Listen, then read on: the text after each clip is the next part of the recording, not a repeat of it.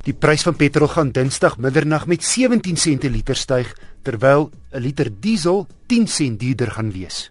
Die etolstelsel tree Dinsdag in werking, maar die DA en die Vryheidsfront Plus wil Maandag met hofaansoeke 'n interdik teen die stelsel verkry. Die miljoenste Corolla is pas by Toyota se aanleg in Durban gebou. daarmee voeg die Corolla hom by die Hilux in die miljoenklap. Die Corolla word sedert 1975 plaaslik vervaardig. Die Durban aanleg maak gereed vir die 11de generasie Corolla wat in linker en regter stuur gebou gaan word onder meer vir uitvoermarkte in Wes- en Oos-Europa, die Karibiese eilande en die res van Afrika. 'n Luisteraar, Eugene Fourie vra raad. Sy seun wil 'n voertuig van 300 000 rand koop. Hy ry 30 km grondpad elke dag en brandstofverbruik is vir hom baie belangrik. Sy seun dink aan 'n Nissan Qashqai 1.5 diesel, maar Eugene voel dat vir dieselfde geld 'n 2.2 Ford Ranger diesel dubbelkajuit 'n beter opsie is. Sy seun voel egter diesel gaan hom 1500 rand 'n maand meer kos met die Ranger. En hy skryf dat die Ranger so 10 kg op 'n liter kry in die Nissan 17. Help asseblief met voorstelle van motors wat aan sy behoeftes sal voldoen, skryf Eugene.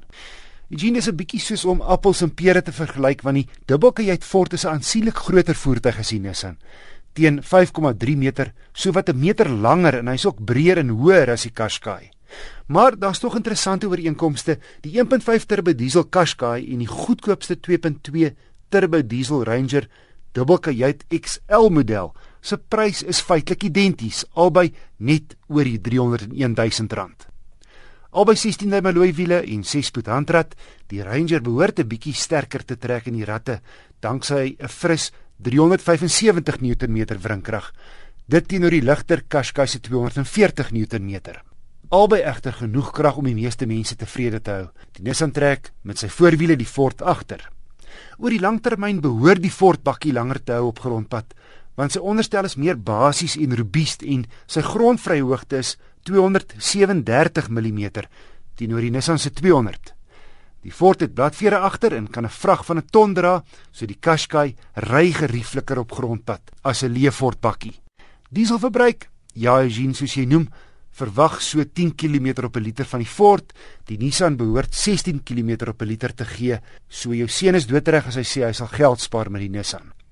Die Nissan 6-lig sakke teenoor die Ford 2 maar net die Ford het elektroniese stabiliteitsbeheer en elektroniese wegtrekhulp. Met 'n kappie op hierdie dubbelkajuit bakkie natuurlik heelwat meer pakspasie.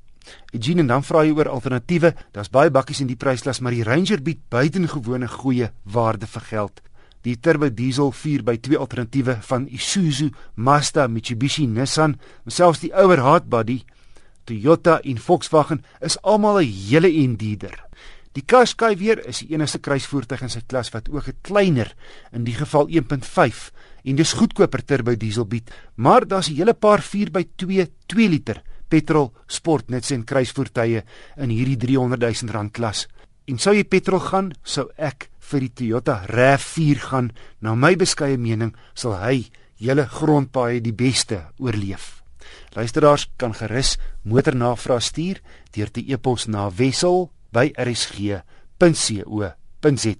Volgende week onder meer 'n padtoets van die Ford Tonio langwielbasis turbo diesel bussie.